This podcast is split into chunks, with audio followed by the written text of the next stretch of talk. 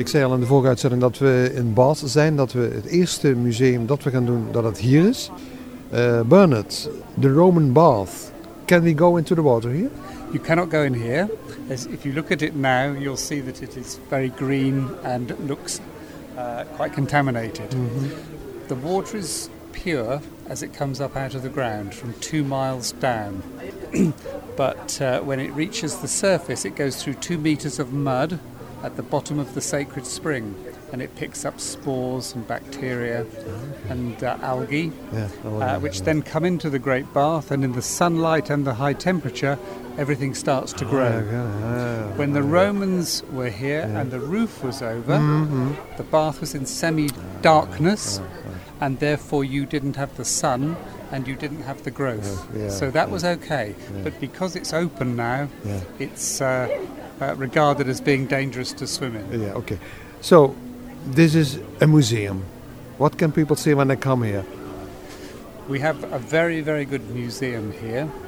Uh, and most of the exhibits and artifacts in the museum have actually come from the mud in the bottom of the sacred spring, okay, mm-hmm. or uh, from the area immediately around the baths. Mm-hmm. Um, so we have a very good collection of life uh, between uh, AD 60 and AD 400.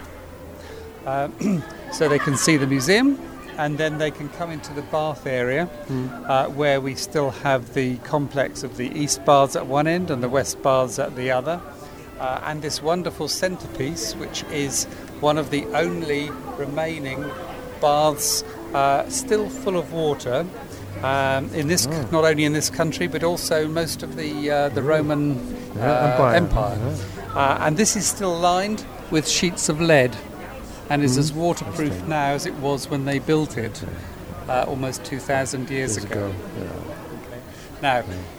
the water for the new spa which we have, mm. where you can bathe. We go, go tomorrow. That's right. Yeah. Uh, now, that comes up in the same way, but they've put a bore pipe yeah. 80 metres down in the mm. ground to collect the water while it's still pure and it takes it over there by pipe so that the bar, the water in the baths is, is good to swim in, yeah, yeah. and uh, it's no problem at all. Okay.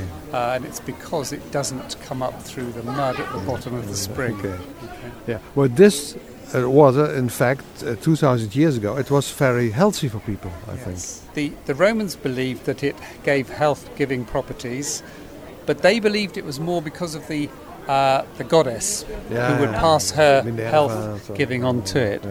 Whereas the Georgians in the mm. 1700s, they believed that the water was curing many diseases, especially arthritis and rheumatism. Oh, and they believed it was because not from the goddess, of course, by that point, uh, but from the minerals that were in the water.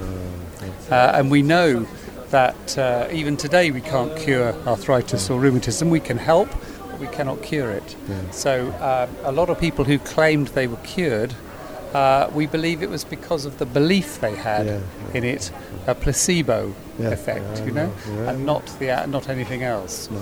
Uh, but the Georgians, so much so, believed in it that they built a hospital just up the road called the Mineral Water Hospital, and patients used to come down to bathe mm. in the baths at mm. that point. Not this one, but mm. the the bath uh, where the spring is. Mm-hmm. Um, and the treatment was to stand in the water up to your neck for three hours a day and then to drink six pints of the water. Okay, the same water. Oh, yeah. Okay. Well, it's very nice to be here. Sun is shining. People are very interested in the world from 2000, year, 2000 years ago. There's a Roman, I think. ja, dat is een echte Romeinse soldaat. Loopt daar rond. Die gaat de sandalen even aantrekken. Now he is he is an actor who is portraying mm. um, a sculptor.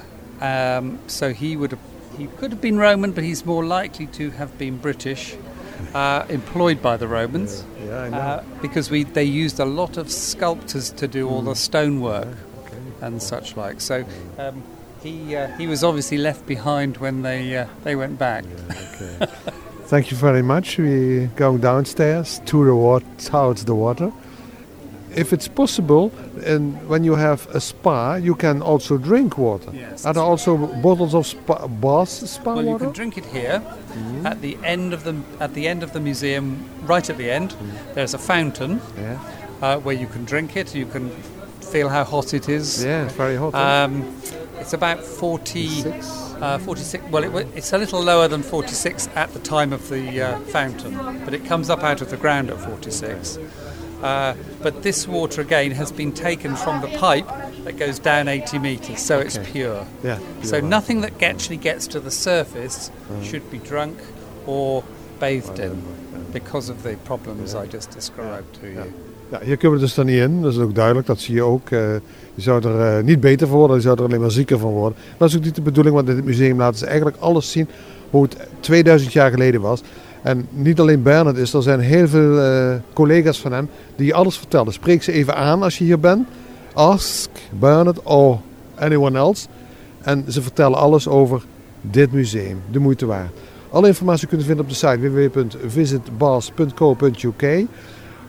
Ook veel informatie is te vinden op de site visitbritain.nl en visitbritain.be. Uiteraard kun je, ik zei het al eerder, een pas aanschaffen die je korting geeft of zelfs gratis toegang tot een groot aantal musea. Het is bijna, bijna leeg nu in het uh, Museum. En ik zei ook al eerder, dit zie je ook bijna op elke foto. Die Romeinse soldaat die loopt daar nog, die jongen is een acteur. Spreek hem ook aan en vraag eens gewoon eh, wat hij hier komt doen, wat hij hier doet. Hij zal je zeker antwoorden, want de Engelsen zijn wat dat betreft heel erg aardig en open. En ze vertellen je eigenlijk wat je wil weten.